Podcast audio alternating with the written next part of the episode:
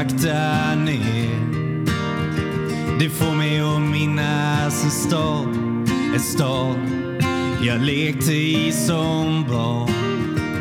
Grågrå människor i svarta, så svarta kläder. Men jag minns sorglösa dagar, ett vackert minne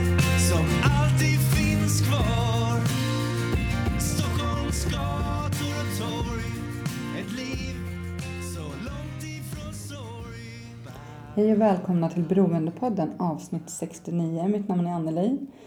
Jag vill börja med att tacka alla er som eh, sprider podden på sociala medier, Instagram och Facebook. Fortsätt med det, det betyder jättemycket. Jag vill också tacka er som eh, lyssnar och alla fantastiska gäster jag har fått eh, ha med i podden. Vad vore podden utan er? Utan er lyssnare och utan mina gäster. Ni är fantastiska, verkligen. Ehm, tack för alla mejl. Jag svarar på mejlen så fort jag kan och har ni inte fått svar på att ta så mejla igen för då kan det vara så att jag har försvunnit på vägen. Men jag svarar på alla mejl. Ehm, till dig som lyssnar för första gången, du undrar säkert vad det här är för en podcast och det är en podcast om alla olika sorters beroende, medberoende och psykisk ohälsa. Och jag som driver podden är själv en beroende människa och min huvuddrog var alkohol. Jag har varit nykter i mer än tio år och vill man veta mer om mig så kan man lyssna på avsnitt 1.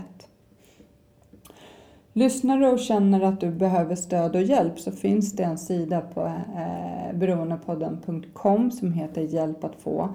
På den sidan så finns det länkar till olika ställen man kan vända sig till. Eh, och på hemsidan så hittar du även min mailadress och på hemsidan så hittar ni även de aktiviteter och grupper som Beroendepodden erbjuder. Så in och läs mer om vad jag gör. Förutom att podda så har jag ju löpgruppen Running for Serenity för er lyssnare och eh, sorgbearbetningskurser och föreläsningar och lite annat. Så in på hemsidan, där finns det eh, mycket info.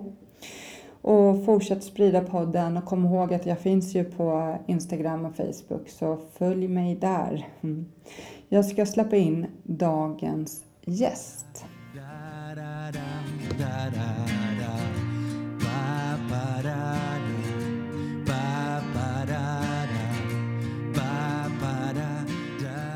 Ja, hej och välkommen till Beroendepodden Joakim Sellqvist. Tack så mycket. De har precis släppt Goliat, Mm. en eh, ny film på bio sedan några veckor tillbaka. Mm. Där du är en av huvudrollerna. Mm. Eh, pappa Roland spelar du där. Ja.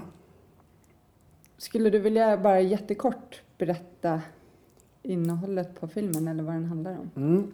För de Alltså- som inte vet. ja, det handlar ju om en familj som eh, lever under svåra förhållanden på grund av eh, arbetslöshet och eh, sjukdom. De är utförsäkrade från Försäkringskassan och ja, på grund av långvarig arbetslöshet så har de valt att ta sin, eh, vad ska man säga, eh, sättet att tjäna pengar på egna händer så de begår kriminella handlingar. Mm. Och vad heter det? I den här perioden som vi kommer in i filmen så har pappan då som jag spelar, han har fått ett inställelsedatum till eh, ett straff. Eller alltså han ska avtjäna ett straff. Och det här kommer ju väldigt olägligt. Det kommer ju när trycket är som störst på familjen. Banken är på väg att ta deras hus. Och... Så vad heter det? Familjen ser inget annat val än att låta sonen i familjen, då 17-årige Kimmy, axla pappans ansvar i det här kriminella nätverket där han ingår. Och då får man följa Kimmys perspektiv då, Mm. sonens perspektiv, för att han, det är ju inte något han vill. Och, så det blir liksom ett inre krig hos honom, kan man säga. Ja, och den, jag, jag såg ju själv filmen här för inte så många dagar sedan och den var ju otroligt jobbig att se kände jag. Mm. Den, det, det, det blev så mycket känslor och, Mm. Eh, och eh, väldigt eh, fint skådespeleri av er all, alla som var med i filmen verkligen. Och, eh, det, men det här är ju din första roll. Mm. Ja, det är min första roll. Ja, och det, när jag kollade på filmen så kändes det som det är något jag hållit på med hela livet. Verkligen. Tack. Men, men den här filmen den är ju otroligt gripande och det är ju tyvärr så det ser ut för Mm. många. Det är kanske därför man verkligen känner Mm. det där också. Ehm, Ja, den känns ju väldigt äkta. ja, den är väldigt, jag rekommenderar alla att se den. Mm. Men, men du har ju själv en bakgrund Mm, stämmer. eh, som eh, med kriminalitet och droger. Mm. Och jag tänkte att du ska faktiskt få berätta din historia för Mm. lyssnarna. Absolut. Så vi kan börja med vart, vart är du ifrån? Jag är uppvuxen i Norrköping. Mm. i ett ställe som ligger på utkanten av Norrköping som heter Navestad. Där jag föddes 1971. Växte upp i en familj som bestod av två bröder, två systrar. Eh, varav ena systern var på pappas sida så hon kom bara ibland alltså. Så hon var inte hos oss alltid. Hon heter, An- heter Anneli också. Mm. Men i alla fall, jag växte upp där i en familj som... Eh, ja, det fanns mycket kärlek, musik. Eh, farsan både musiker och skådespelare. Höll på mycket med teater och så. Eh, men eh, pappa var ju också periodare. Och eh, det här innebar ju att Eh, Det fanns ju, även om det var mycket kärlek och en fin sammanhållning, så fanns det dysfunktion i vår familj. Liksom så här, det var... När pappa var nykter, då var det liksom jättestränga regler. Och sen var det inga regler när han liksom hade sina perioder. Mm. Och, liksom så här, och det vart ju liksom rörigt i uppväxten det där vart ju. Men hade man frågat mig då som barn så hade jag tyckt att jag var i den bästa familjen man kan vara i. Det är ju så. Man är ju superlojal som barn och liksom, jag hade ju inget att jämföra med. Men om man säger den här trygghetskalibreringen, om man säger en trygg anknytning, den fick man ju inte som barn. Liksom, för att det var ju jag kommer ihåg jag förknippade alltid alkohol med att utgången, även för min pappa var så, han slog aldrig min mamma. Men jag vet att varje gång det var fest så var det liksom någon slags oro för att de skulle bli osams. Så att liksom jag tyckte det var så skevt det där för att det var så glatt och där i början och sen så visste man att det ofta slutar med att eh, människor som är osams och så. Mm. Men eh, ja, men jag måste ändå säga att jag upplever liksom många delar i min barndom som väldigt eh, eh, fin. Liksom. Eh, att vi åkte på så här bilsemester till Spanien. Och liksom. Det har alltid funnits den här sammanhållningen och kärleken även ifall det har varit liksom, eh, perioder då det har varit väldigt dyssat och så. Nej, men sen så eh, vad kan man säga, det som händer i mitt liv som är så här av, avgörande grej, det är ju liksom när jag är 12 år. Så, här, så jag har märkt att jag har fått en knöl på insidan av käken. Och eh, jag tänker inte så mycket på den här förrän jag är på badhuset och, och simmar där. Vi simmar ryggsim och en kompis som simmar in i mig med huvudet på min käke så här. Känner att det gör så här ont i den där knölen. Och då visar jag den här knölen för min mamma. Och min mamma hon blir så här hypernojig. Så hon liksom ringer till tandläkaren. Vi får komma till vårdcentralen till tandläkaren där. De skär i den där där, skickar det till Norrköpings lasarett tror jag. Eller till, för, för provtagning så här. Och sen så får jag komma upp till Norrköping. Och där skickar de, alltså där skär de i den där med och skickar det till eh, prov igen då. Och sen så ska vi åka till Linköping. Och där är jag och min mamma och min pappa och min moster. Men när vi kommer dit till Linköping så får jag och min moster vi får vänta i kafeterian medan morsan och farsan går iväg. Mm. Det är en sån här kritisk ålder där, jag är 12 år. Det de ska diskutera då, det är, de vet inte om de ska köra med raka puckar till mig och säga vad det är jag har. Och där vill de prata med min mamma och pappa om. Men när de kommer tillbaka så ser jag, jag försöker titta liksom, vad är det som... Jag fattar att något är fel liksom. Men sen när de är på väg tillbaka så, här, så ser jag när de kommer närma att eh, min farsa har gråtit. Alltså, och jag ser att mamma också har gråtit. Och så börjar vi gå tillbaks emot läkarna. Vi ska in i det där rummet igen och då fattar jag liksom något är galet här. Och eh, när vi kommer in där, då berättar de för mig att jag har sarkom och att det är en tumör, säger de. Och då frågar de, det är cancer va? Och då säger de att det är cancer och de ger mig prognosen där. Liksom det är, de har hittat modersvulsten och det är 50-50 att jag kommer klara det här.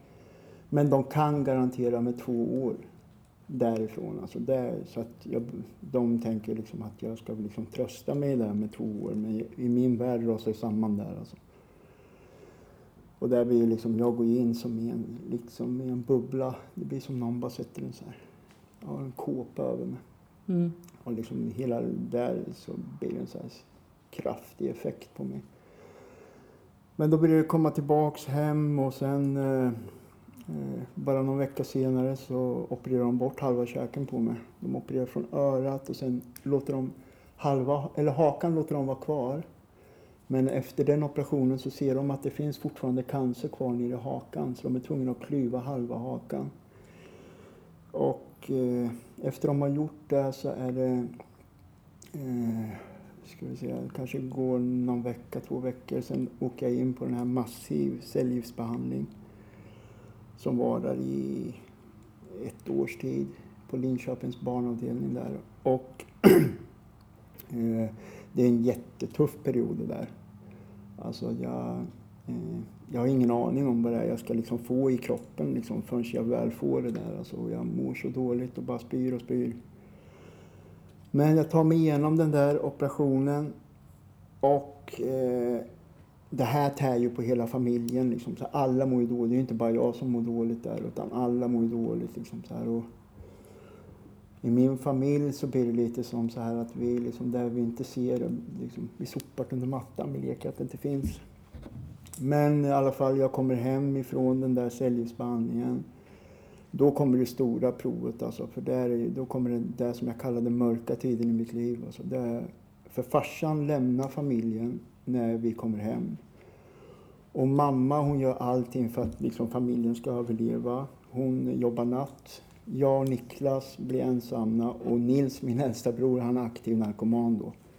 Hur mycket äldre är han än dig? Nils han är nio år äldre Okej. än mig. Så Nils är alltså där, han är väl 22 någonting. Mm. Så han är liksom eh, aktiv narkoman. Men han var inte hemma då? eller? Han var inte hemma. Han var hemma ibland. Och det, Mm. där då fick jag se liksom, jag såg liksom Nils och han insjukna. Jag såg ju liksom min brorsa, han bara varit sjukligt smal. Och att jag inte fick kontakt med honom på samma sätt längre. Så att jag kände ju i mig liksom så här, oh, vad är det med honom? liksom, Han är verkligen sjuk. Alltså, jag kände inte igen honom. Men då liksom i min värld, liksom, där återstod ju då, här skulle jag ju överleva det där liksom, för att liksom, det var ju mycket som var liksom upp och ner i min tillvaro. Dels är det här att jag går in i puberteten och ska liksom på något sätt börja söka inåt och hitta mig själv, som puberteten handlar om. Den enda identifikationen, identifikationen som jag hade haft av mig själv, det var ju den jag såg i spegeln. Och över en natt så var ju den borta. Så jag såg inte ut som jag gjorde och jag var snedvriden. Och liksom så här. Och från att ha gått och känt mig annorlunda gick jag nu till att verkligen vara annorlunda för folk peka och skratta och sådana grejer. Så det här var ju liksom eh, riktigt liksom svårt att liksom eh, bemästra den här tillvaron som var. Men jag gjorde ju det. Jag gjorde det i början med hjälp av fantasin. Eh, jag skapade som en sån här låtsasvärld som jag gick in i. Mm. Där jag liksom var alla små figurer så här. Jag var alla karaktärer i den här världen. Och jag kunde ligga i flera timmar och bara liksom fantisera. Och sen ut i den vanliga världen igen. Det här var ju ett sätt för mig för att jag var ju som gud i den där andra världen. Men i riktiga världen, den gjorde ju på något sätt vad den ville med mig. Men i alla fall. Eh, sen så, jag struntade i skolan, det gick ju inte. Jag sket i allting. Och, eh, jag var liksom, det var ju bara stort att försöka överleva. Jag fick ju inte luft. Alltså, det var ju liksom, den här tiden var fruktansvärt jävla jobbig. Men i alla fall, eh, då kom jag i kontakt med droger.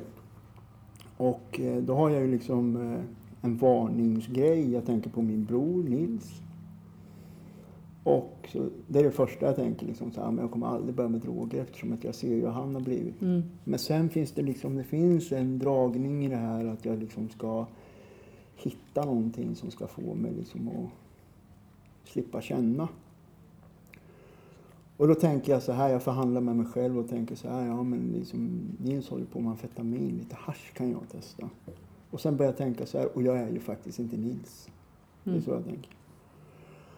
Så testar jag och, nej förresten jag dricker först och där tänker jag ingenting alls på Nils för att det är så socialt, liksom, det gör man ju sjuan, där åttan så där man börjar dricka. Men det gillar inte jag, jag blir för full och jag spyr alltså. Så att även om det finns någon liten glädje i att dricka så övergår det fort till dåligt mående för mig varje gång jag dricker. Jag känner att det där inte, det passar inte mig. Och sen så, som jag sa, det där med hasch. Jag testade det men det blir inte riktigt min grej heller.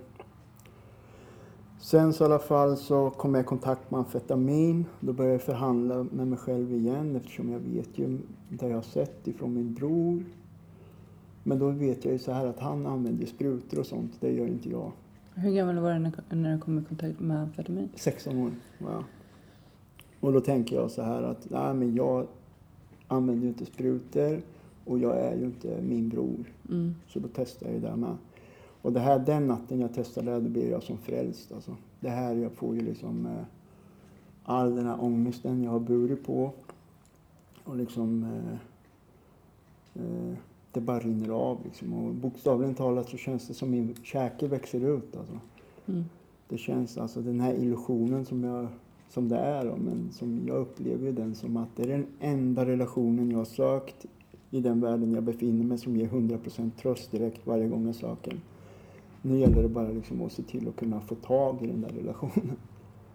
Så att vad heter det, jag känner ju den natten och jag tänker så här, det här kommer jag aldrig sluta med. Så är det. Och eh, nej, men det där fortsätter och jag fortsätter att hålla på med Alltså till en början inte hela tiden men jag tar ibland och jag är där och tar. Och jag vet att jag har börjat gymnasium, jag har kommit in på så här reservplats. Och, men jag sköter ju inte gymnasiet och så. Jag, jag sysslar ju med annat. Jag använder de där vågarna till att väga upp hasch och sånt. Jag börjar fly in i kriminalitet och liksom så här. Och redan då. Och liksom så här försöker drifta vid sidan om och liksom så här, ja. Men sen i alla fall så, eh, ska vi se här så jag inte hamnar fel. Nej men, eh, precis innan gymnasiet är klart, jag har ju gått om ett år också så att det är ju liksom förskjutet på tiden men då så eh, blir det snack om att jag ska få min käke tillbaks. De ska operera mig igen. Och då hoppar jag av skolan. Jag tänker så här att nej men jag tar hand om det här nu, det, skolan är inte viktig. Så jag missar ju gymnasieutbildningen där men jag hoppar av. Jag opereras, jag får liksom, de opererar från höften. Sätt, då får jag höftben som de sätter tillbaks och så jag får en sån transplantation. Mm.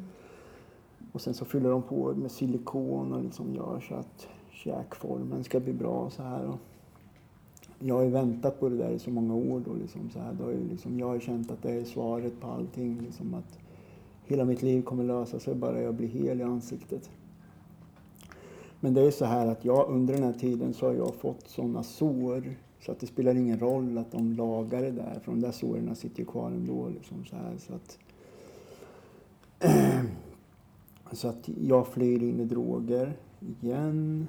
Sen så träffar jag en tjej. Jag har en tjej innan också i början där. Men det blir så här att jag får den här känslan av att, eh, att jag, eftersom jag bär på sån skam över hur jag ser ut och liksom så här att jag känner mig så annorlunda så att när jag träffar någon så liksom då på något sätt så vänder jag om där, liksom, att det är fel på de människorna. Hur kan någon tycka om mig? Liksom, så, här, så det blir så.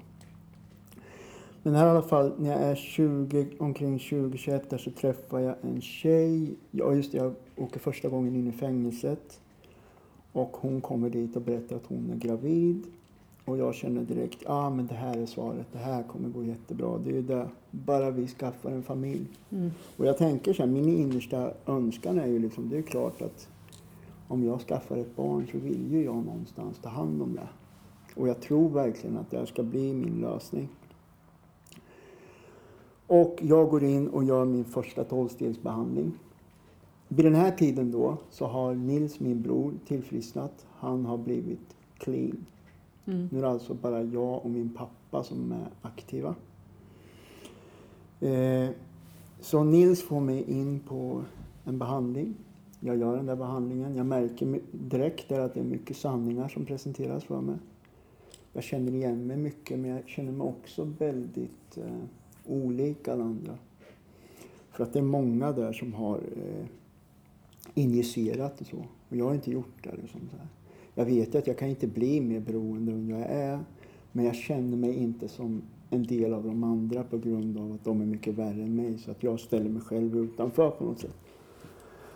Eh, Men i alla fall, jag gör den där behandlingen men jag gör den på, som, på mitt eget sätt. För att jag är ju inte som alla andra. Och det är ju någonting som genomsyrar många behandlingar jag gör under mitt liv sen. Att jag gör saker på mitt egna sätt. Liksom så här. Men efter den där behandlingen i alla fall då så kommer jag ut och jag får min son. Och eh, jag är drogfri ett tag där. Men eh, på vita knogar kan man säga. Sen så eh, då börjar jag ta upp musiken, jag börjar spela. Eh, och det går jättebra. Vad spelar du? Jag spelar gitarr och sjunger. Det, sång var väl mitt huvudinstrument då. Men vi börjar spela ett band och det går jättebra. Så till slut så spelar vi så här fem kvällar i veckan. Vi åker runt i hela Sverige och spelar som ett coverband kan man säga. Eh, och eh, sen började jag dricka. Kanske efter något halvår, sju månader så började jag dricka varje gång vi spelar. Och eh, tar någonting någon gång ibland. Vet jag. Men sen efter vi har spelat något år, två år, så då är jag igång och vad heter det, pundar igen. Och det är det som gör att till slut så vad heter det, splittras ju det där bandet.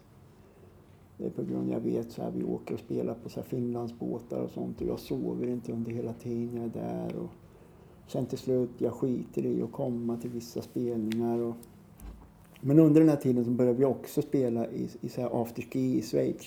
Mm. Så vi är där i flera år och spelar. Och där, varje gång jag åker ner dit så här, då så, typ så tar jag en dos precis innan jag kliver på bussen och vi åker iväg. Och sen så struntar jag i att ha med mig någonting.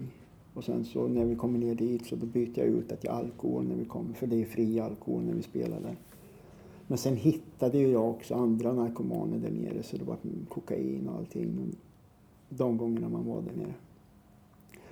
Men eh, efter sista gången som vi är där nere så kom jag hem i alla fall och då så vad heter det efter att ha varit där nere och spelat så splittras bandet när jag kommer hem och det tog slut med en tjej som jag hade träffat där nere.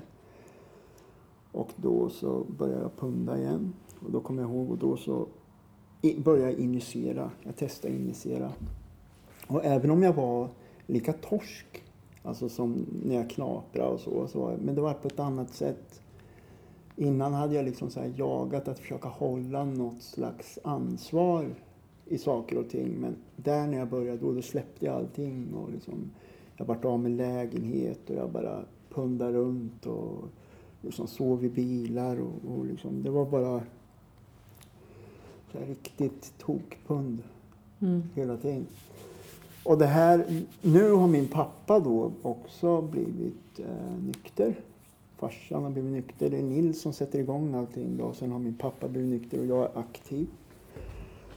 Men eh, i alla fall, eh, Är de på dig något då? och Så här? ja de har en sån här intervention, eller vad heter det, så Ja. intervention. De Ja. kommer liksom och försöker tala mig till rätta och sådana grejer. Det är klart de gör. Men sen så är de på mig på så sätt att de jobbar på LVM Mm och Nils eh, är som en blodigel på mig. Det jag gör nu är liksom så här att jag har den, den drivkraften jag har till liksom, narkotika det är att jag vill inte komma i kontakt med mig själv. Så jag börjar ta risker och liksom sälja narkotika. Och det är inte för att jag, det är inte att jag har någon liksom dröm om något, eh, någon här Scarface-slott eller något sånt där. Utan det är bara, jag vill bara veta att jag inte ska behöva komma i kontakt med mig själv. Mm. Så där blir min största drivkraft att veta att jag inte ska behöva jaga. Utan att alltid ha hemma liksom. Ja, utan att jag har hemma liksom. Så här, då väljer jag hellre liksom så här, men då tar jag risker liksom. Och det, så börjar det liksom. Och då hittar väl jag något sätt där med amfetaminer tror jag ändå kan liksom så här hantera min tillvaro på något. Fast jag gör ju inte det ändå liksom. Så här, varje löp börjar på topp och slutar i crash på något sätt ändå. För det slutar alltid med att jag får fängelse Mm.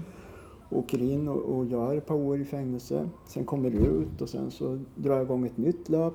Och sen så liksom går det bra i början och sen så börjar det bara dala, dala, dala tills jag torskar. Och sen så får jag börja om. Så där ser det ut, men det går liksom så här. Och jag tycker liksom så här, det enda som är problemet med ett beroende då tycker jag, liksom, det är om man inte har någonting att ta. Och det problemet har ju inte jag. Men däremot så har jag missat det att jag har liksom inte haft någon kontakt med min son. Jag har liksom gått emot mina egna värderingar. Precis så. så även om jag lyckas nu då fixa grejer att ta så är det så mycket annat som jag inte ser som jag liksom har totalt havererat i. Men det där jag är oförmögen på att se det där då. Känner jag mig stressad och det är liksom rörigt så att jag tänker nej jag pallar inte det här mer. Så jag, jag tar sticker till Thailand. Mm. Och vad heter det, jag tar bara och sticker dit utan att säga till någon. Sticker till Thailand och är där. Kommer ner där och tycker liksom så här att jag tänder av ganska fort där nere och det är varmt. Och, men jag börjar ju dricka och så direkt. Men efter en vecka så börjar jag hålla på med så här, jabba heter det där. Så. Men tanken var när du drog att du skulle städa Tanken, till dig ja, lite? ja, eller? att jag skulle liksom skärpa mig. Och direkt när jag kom ner där och var ifrån allting så då kom jag ihåg att jag fick en sån här känsla av att jag fan var duktig jag. Alltså, att jag hade liksom, jag tyckte jag var ju ren då liksom, bara att jag hade kommit ner där. Men sen så började jag hålla på och och köpte så här jabba hela tiden där och, och liksom så här. Och jag var ju där i lite över två månader. Och eh, så att jag hade ju liksom, jag var ju fullt igång där nere. Och liksom så här, varje sån här jabba-tablett, det var ju fem års fängelse där på. Så liksom, det var ju liksom enorma risker jag tog där. Men för att göra den här Thailand-historien lite kortare så är det i alla fall så här att en sån här narkotikaaffär blir ett missförstånd i det. Så att jag och sen en annan kille, vi får ett pri, alltså vi ska dö där nere. Så att jag är på hans restaurang och det kommer fem thailändare dit. Och vad heter det? En av dem har en sån här väska som hänger. En väska över, äh, runt halsen så här. Och de kommer fram och snackar med han som jag hänger med där nere. Och jag uppfattar att det är något tjafs och så här. Så jag går fram och ställer mig jämte honom. Men sen så säger han till mig så här. Kom Jocke, vi sticker till Black Moon Party, säger han. Okej, så jag går med honom och hoppar upp bakom hans vespa. Och så kör vi därifrån. När vi har kört ungefär 4-5 meter så hör jag bara hur det smäller bakom mig.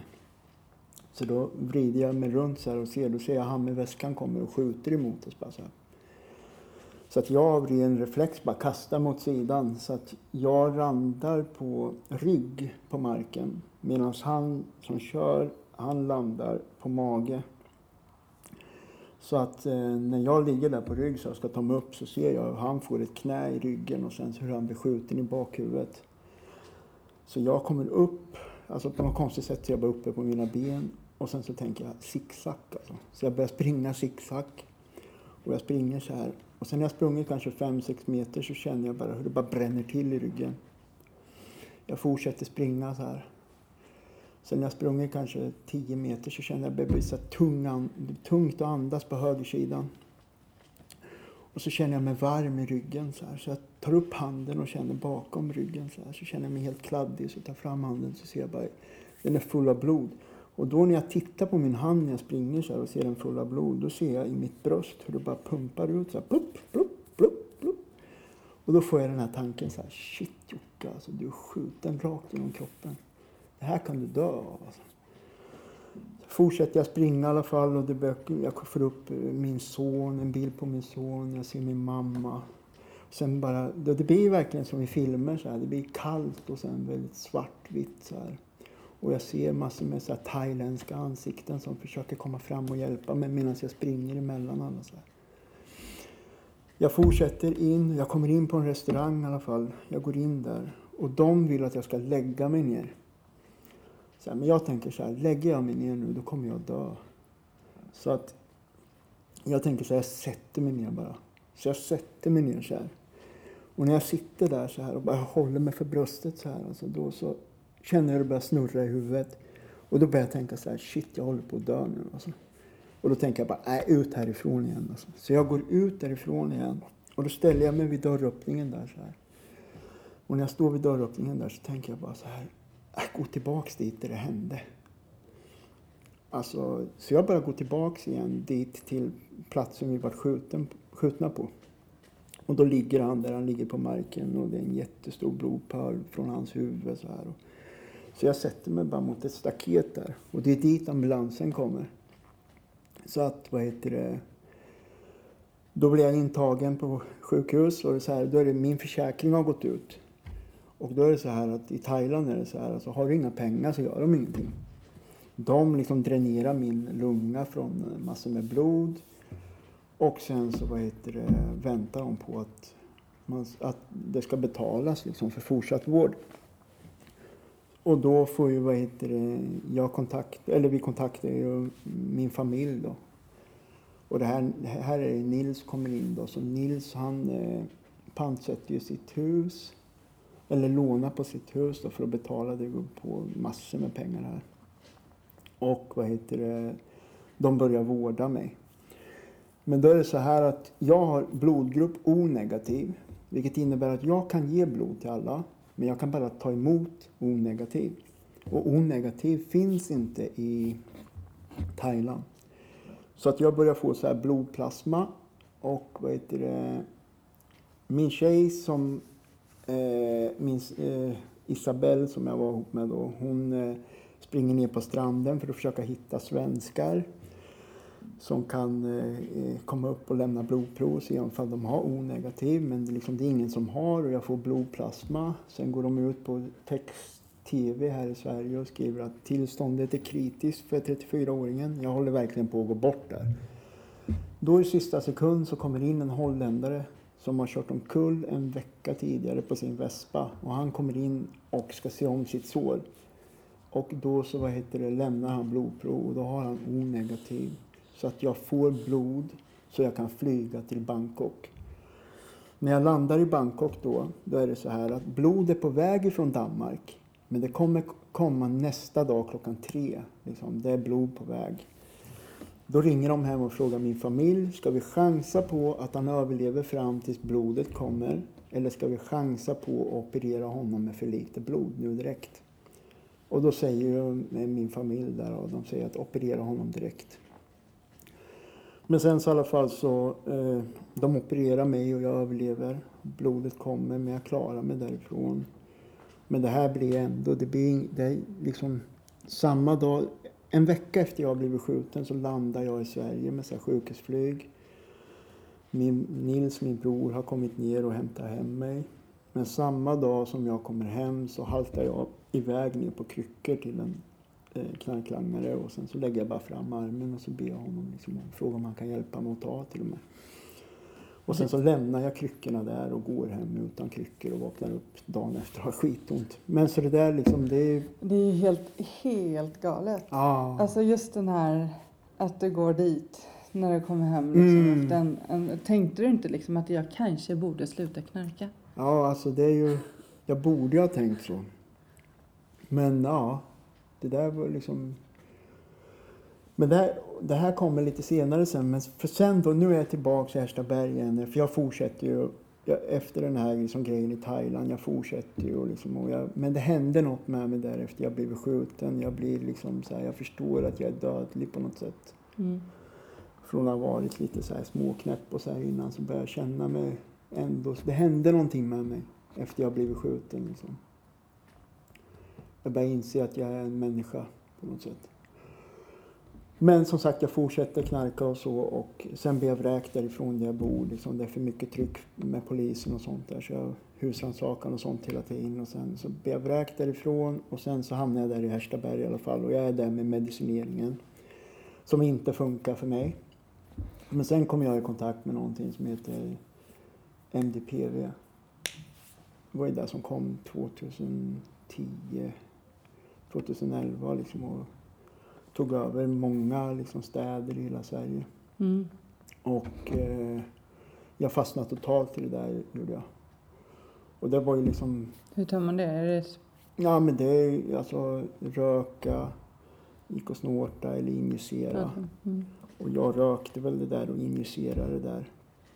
Men det vart alltså, det, den här drogen MDPV, det som var den, det gamla riktiga MDPV som är totalförbjudet i hela världen nu. Det är även kallad djävulsdrogen, Mm. kannibaldrogen. Ja, det väl... Ja, Flacka, du vet, folk som... Det är väldigt psykosframkallande. mm. Vissa räcker med att de röker ett bloss och sen så hamnar de i psykos och så här. Jag drabbades inte av någon så här psykos i början, gjorde jag inte. Så jag förstod inte liksom så här. Jag hörde mycket historier om folk och det var män, många män. Det var ju folk som hoppade ut genom fönster, folk som stannade bussar och liksom. Det var verkligen en fara, Det där giftet. Det var ju så. Men i alla fall, jag fastnar ju i det där för att det här är ju också en drog liksom, som tar mig så långt bort ifrån mig själv men ändå vid ett medvetet tillstånd. Alltså för att jag hade aldrig, jag har aldrig gillat liksom som eh, heroin eller så här för att eh, Nej men alltså då försvann jag bara tyckte jag liksom, eller somnade, det var inte det jag ville. Men här var jag vaken men ändå så tog det mig så långt ifrån mig själv. Och det vart bara sjukare och sjukare.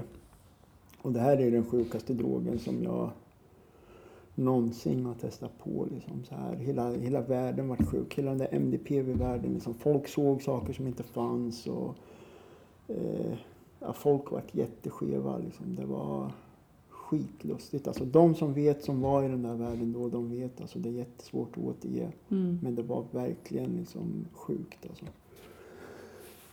Men... Eh, och då sitter jag där liksom så här och då... Jag kommer ihåg det, jag är ute där för så här, in, under den här MDPV-perioden där och liksom så här, där, ute i Härstaberg så var jag någon gång jag var själv så här för att jag kände liksom så här att det hade kopplat ett sånt jäkla grepp på mig där. Och när jag var ensam så gick jag så här, gick och tänkte så här, shit det är ingenting verkligen som får mig att lägga ner alltså. Och jag började förlika mig med att jag kommer dö liksom med sprutan i armen. Det är säkert så det kommer ske alltså. Men på något sätt, jag har alltid haft en tro så här. På något sätt så bad jag då. Jag bad liksom Gud, liksom, så här, jag vet inte hur liksom så här. Men om du kan, hjälp mig ifrån det här på något sätt. Bad jag liksom så här. Men sen så likadant där i Härstaberg, det var världens pådrag med polisen. Alltså det var en instans, alltså det var, ja. Jag hade säkert över en 40 husrannsakan på bara ja, något år, två år kanske. Hela tiden var de där nationella insatsstyrkan var där. Det var så här jättekriminalitet och skit som härjade där ute.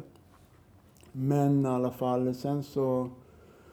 Det som blir min räddning då, det är att jag hamnar ju själv i en psykos till slut. Jag är för mycket stressad, jag blir vräkt därifrån, jag får fly ifrån Härstaberg, jag flyr i en skåpbil. Jag åker till en närliggande stad. Liksom det är stressat liksom, läge. Så här. Och sen hamnar jag i den här psykosen. Och liksom, jag fattar ju inte att det är en psykos först. För det börjar med att jag liksom upplever som att folk får repliker de ska säga till mig. Alltså det uppstår ett delay, tycker jag, när jag ställer en fråga till någon innan de svarar. Så det är precis som att någon talar om för dem vad de ska säga. Och i min hjärna då så tycker jag det här liksom var lustigt. Jag, liksom, jag är inte dum i huvudet. Vad fan beror det här på? Och då kom jag fram till den här briljanta liksom, eh, förklaringen att jag är med i ett militärexperiment. Alltså okej, okay. så att jag listar ju ut där att jag är med i ett militärexperiment och liksom, jag har världens förklaring i mitt huvud varför okej, okay, det är så här. Men den här psykosen är ju progressiv och jag märker att det stämmer ju inte överens med så som jag tänker. Så allting jag ser på kopplas samman till mig själv. Alltså det spelar ingen roll vad det är för program jag ser på så har det med mig att göra. Mm. Allting, alltså det blir så sjukt alltså. Och i början av psykosen så är det så att det är väldigt upplyftande. Jag är liksom utvald. Liksom jag är med i ett militärexperiment. Alltså jag är liksom betydelsefull tycker jag där. Och i den här vevan då i alla fall, när jag upplever allt så konstigt så känner jag i alla fall att jag pallar inte knarka. Och jag fattar ju inte att jag är i psykos. Men jag ringer i alla fall till min bror Nils och säger jag vill lägga ner allting. Kan du hjälpa mig nu? Han kommer och hämtar mig och han fixar så jag får åka iväg till ett behandlingshem. Bara på några dagar fixar han så jag får komma dit.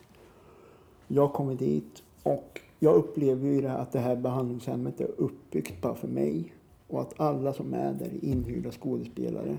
Alltså det, här, det fortsätter ju den här psykosgrejen som jag är och jag försöker räkna ut, okej, okay, jag vet inte hur jag får ihop det. Men sen jag gör behandling där och jag är nykter och drogfri. Men sen när jag kommer hem därifrån så har jag, vad heter det, en... Eh, en eh, jag har ett straff på åtta månader som jag ska göra. Jag ska in på anstalt. Så jag väljer att åka in på Rockstuna. På, jag vill in på den här tolvstegsavdelningen. Liksom, jag tror fortfarande liksom att allting är uppbyggt för mig. Liksom. Så att min tro är att så fort jag kommer in på den här anstalten så kommer liksom folk vara där med ballonger och grejer och att jag ska få gå ut därifrån. Men när jag kommer in på den här anstalten så märker jag efter en stund att de kommer inte släppa upp mig. Mm. Så att det här, mina beräkningar som jag gjorde i det här psykosliknande tillståndet, de stämmer ju inte. Så då byter ju den här psykossjukdomen riktning. Och nu börjar det gå över mot en gudspsykos. Liksom. Och då förvärras psykosen inne på anstalten. Så det blir en blandning av inhyrda skådespelare samt att det är Gud som vill åt mig. Liksom så här. Och då blir det jätteskevt där inne och jag mår dåligare och dåligare. Och eh, nej, men jag uppför mig väldigt konstigt där inne på anstalt. Alltså, jag, liksom, det här kan jag säga, liksom, det, den perioden jag upplever där, det är den värsta perioden jag upplevt i hela mitt liv i, när det gäller dåligt mående, ångest. Liksom, så, här. så att till slut så går jag in till eh, det här kontoret eh, pliktkontor, eller vård, där vårdarna sitter. Och så går jag in och skriver en anhållan som jag lämnar in till dem. Där de, jag skriver att de kan sluta upp och göra sina tecken och sådana grejer.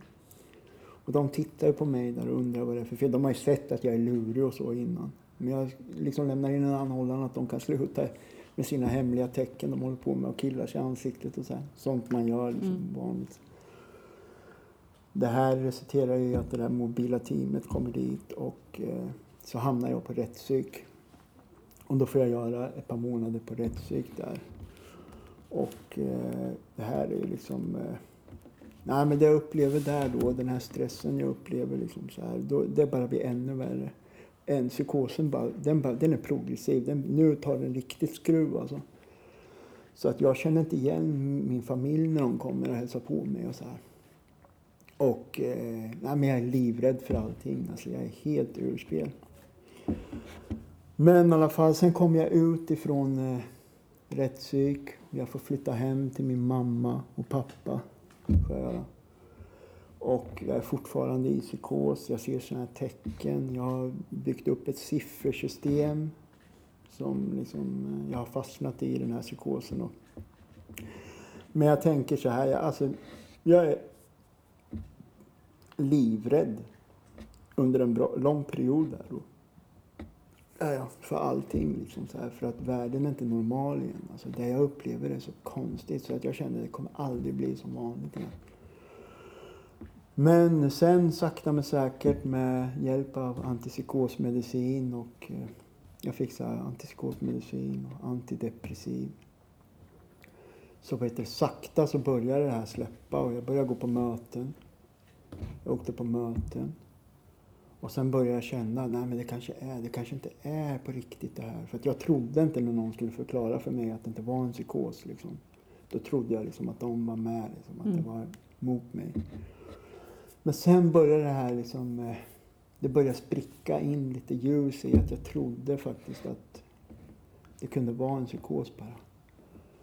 Och sen började resan tillbaks och så här. Och men också en liten rolig grej, så här, för att jag började liksom, när jag var hemma hos min mamma och pappa, då, då började jag liksom så här, gå igenom mitt liv. Liksom, så här. Jag hade ju haft drömmar om musik och så här. Och jag förstod liksom så här, att det var liksom inget med det på grund av att jag hade knarkat och så.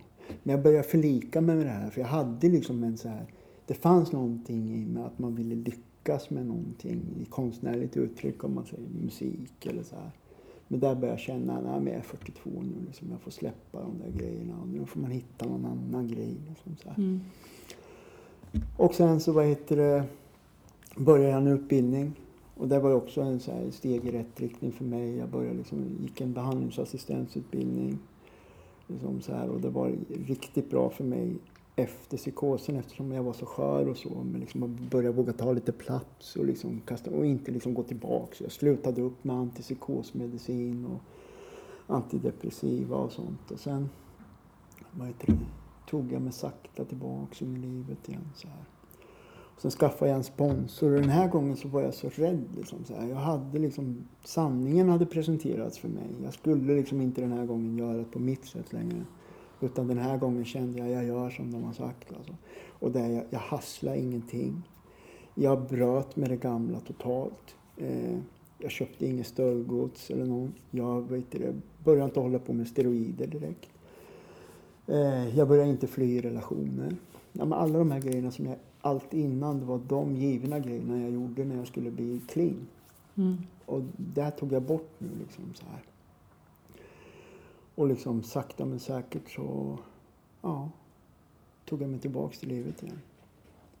Och jag kan ju säga så här, för fyra år sedan så började jag leva och det var första gången jag började leva i hela mitt liv, kan jag känna på ett sätt. Mm. Ja, herregud vilken resa du har haft. Och Mm. nu sitter du här. Mm. Fyra år nykter har du varit. Ja, Det är helt fantastiskt. ja verkligen. Och att, eh, att det inte bara du, utan det måste ju kännas jätteskönt att du har både bror och far som Mm. också är nyktra och hittat Ja, den vägen. Liksom. Men då, och sen är det så här, de sista 15 åren så var jag liksom, jag har inte haft någon direkt kontakt med min familj när jag har varit aktiv. Visst att jag har kommit ibland och så här och dykt upp men det är en viktig grej som jag vill tillägga som är sådana grejer som jag verkligen som har eh, Ja, som är betydande ord som jag har fått ifrån andra som finns i mig nu. Det var när mina brors döttrar sa till mig så här för kanske något år sedan så sa de det är så häftigt nu, vi har fått en farbror som vi aldrig har haft. Då kände jag bara så här, shit, ja det är stort alltså. För även om jag dök upp där någon gång ibland så var jag helt borta liksom så här. Eller inte tillgänglig på något sätt. Så att, och det är lite som en saga liksom att jag nu har fått res med morsan och farsan och så här. Och, och liksom, både mamma och pappa lever liksom så här. Och, liksom hela familjen har vänt och liksom blivit tillfrisknande familj. Liksom så här. Och sammanhållning och liksom, ja, det är jättehäftigt. Verkligen. Men så blev du helt plötsligt skådespelare. Ja, just det. Hur gick det till? Ja, men det här, den här historien är lite rolig faktiskt. För att det började med att de sökte för den här filmen Goliat. Mm. Så sökte de folk till casting. Och då var det en kompis till mig som taggade mig på Facebook. Jag fick ju panik när han gjorde det. Så jag taggade honom tillbaks och så skrev jag, det där kan du göra. vet du." och så här. Och det var ju lite i det här att liksom så här. Om jag skulle gå dit. För jag har ju alltid haft, genom mitt liv så har jag haft så här liksom drömmar och tänkt så här, men jag skulle säkert bli en bra skådespelare. Men det finns alltid en risk i att bli bedömd. Mm. Så om jag skulle gå dit och bli bedömd och någon stack hål på den där bubblan och jag får gå därifrån liksom, och, ja, det där stämde inte. Då skulle inte jag kunna gå och mysa och dagdrömma i det där längre. Så att då liksom, det var väl den rädslan som höll mig från att testa lite. Men sen i alla fall är det så här, jag duckar ju det där då och tänker nej, nej, nej. Men sen är det så i alla fall att de som har castingen vänder sig till min brors behandlingshem och får kontakt med min bror och frågar honom om han vet eh, eh, människor med erfarenhet och sånt som kanske skulle vilja ställa upp och provfilma. Mm. Och eh, min bror säger då att eh, där ska han kolla upp och han går med på att låna ut eh, lokaler i sitt andra företag till castingen. Och då ringer min bror till mig och säger så här, Jocke, jag ska hjälpa ett filmbolag här, de söker folk till en film. Kan du fixa två killar som ser lite... Eller han frågar mig först tror jag kanske om jag vill tänka mig. Men jag säger, jag vill inte tänka mig att provspela. Jag är liksom lite rädd och så här. Men sen så säger jag till honom, jag kan fixa två killar som... Eh, jag kan ta med två killar säkert. Och då tar jag kontakt med två killar som ser lite kriminella ut med lite tatueringar på halsen och så här. Och jag tar med dem dit. Och vad heter det, det sitter 15 pers där. Alla har varit inne och provspelat och så. Jag är lite nyfiken så jag frågar dem som redan har varit inne, vad får ni göra och så här. Så här, för att jag är, ny- nyfikenheten finns. Men sen så i alla fall så är de klara allihop och så här. Då kommer hon Pauline ut som eh, har castat alla. Och så tittar hon på mig så säger hon så här, men ska inte du testa också? och då säger jag så här till henne, nej men jag är bara här med de här grabbarna. Men en av de här grabbarna han ställer sig upp då så tittar han på mig och så säger han så här, Jocke har jag gjort det här? Då får du också gå in och göra det. Och sen så gick jag in och sen så, ja. Tre dagar senare så ringer min telefon på morgonen. Jag tror det är ett jobb som jag har sökt. Men så svarar jag. Och då säger hon, ja hej där är Pauline från Be Real Films. Vi skulle vilja träffa dig igen. Och sen så på den vägen var det. Sen, ja. Sen har man spelat in en film nu. Och så är det.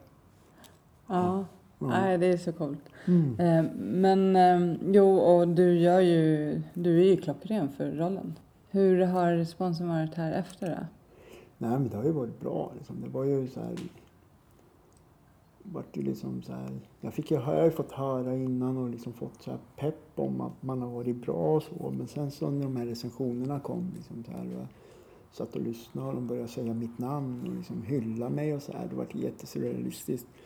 Och det här vart ju också en sån här grej liksom. Det är ju liksom, ja, man går ju igång på beröm alltså. Det är ju så i sin ensamhet. Så Mm. det är ju så. Men så det vart ju liksom så surrealistiskt alltså. Men sen så har jag liksom så här, snabbt börjat jobba igen. Och liksom så här back to basic igen. Mm. Känner liksom så här hjälpa människor och liksom.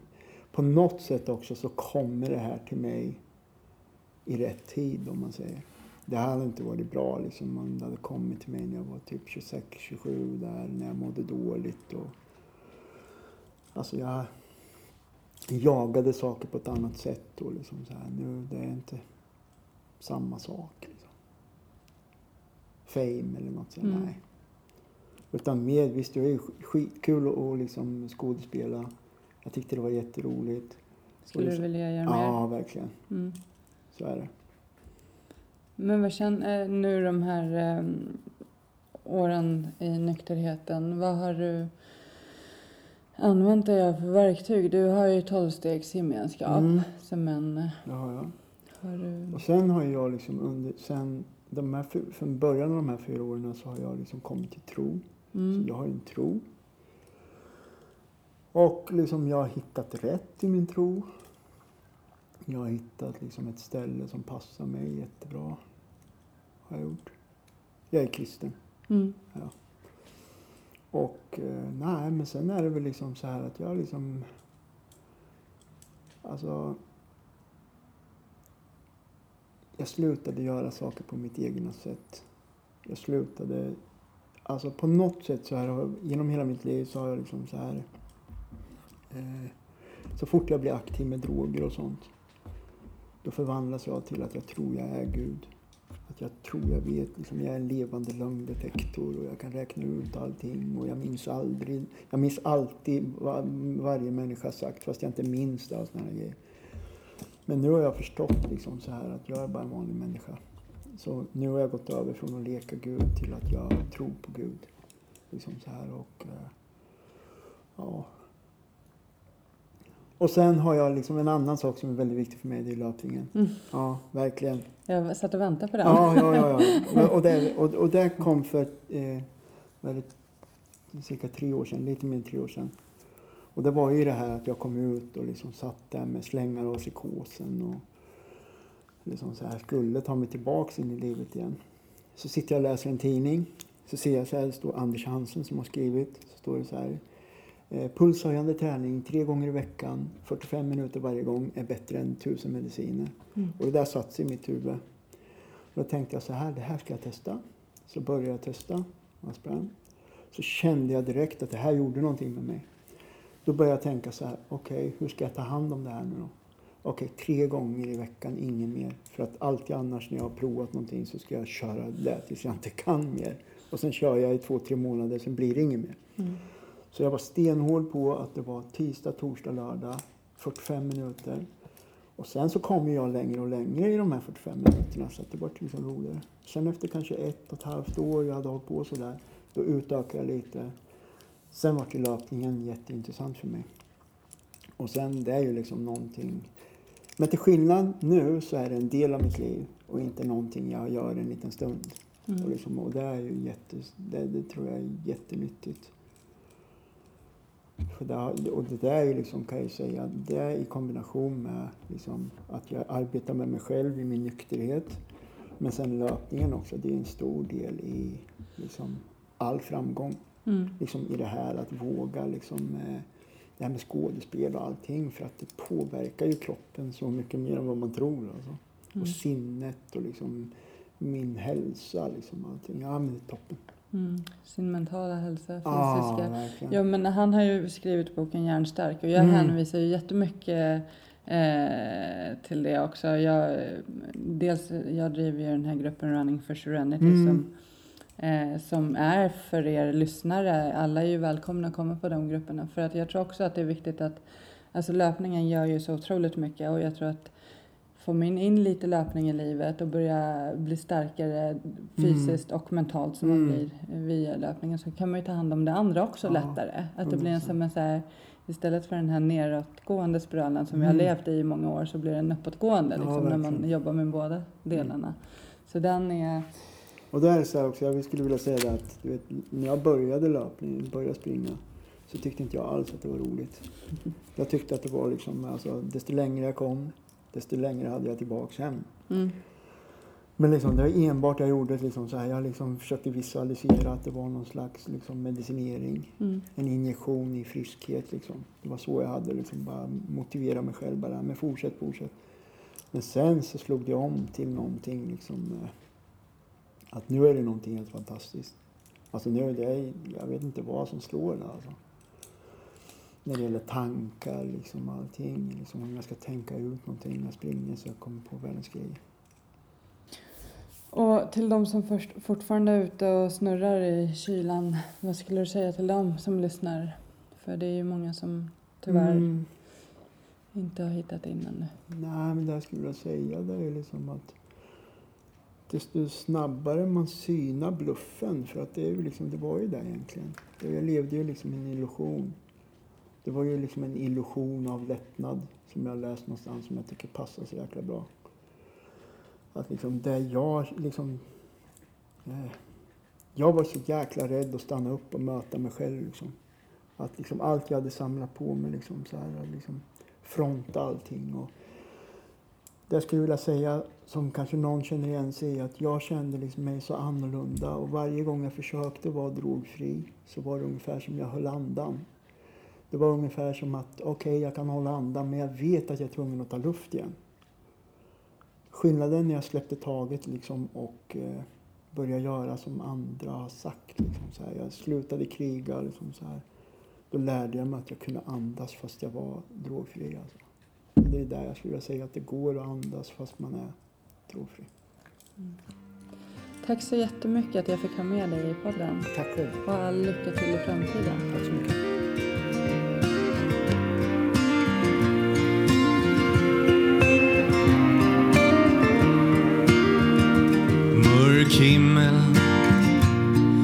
Regn faller sakta ner.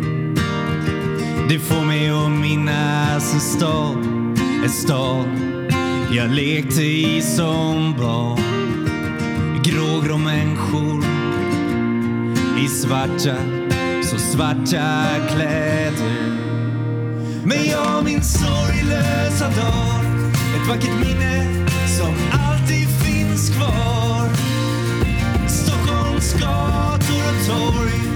Ett liv så långt ifrån sorg ba, ba, da, da. Ba, ba, da, da. Ba, ba, da, da, da, da, da, da, da. Ba, ba, da, da. Ba, ba, da, da. Ba, ba, da, da, da, da, da, da, da. En dyster T-baneperrong Ett liv inrutat i betong. Stäng ut det andra med musik. Fokusera allt på att bli rik. Här finns en dyster atmosfär. Ett liv kretsat kring karriär. Men jag minns sorglösa dag. Ett vackert minne som alltid finns kvar. Stockholms gator och torg ett liv så långt ifrån sorg. Ba, ba, da, da. Ba, ba, da, da. Ba, ba, da, da.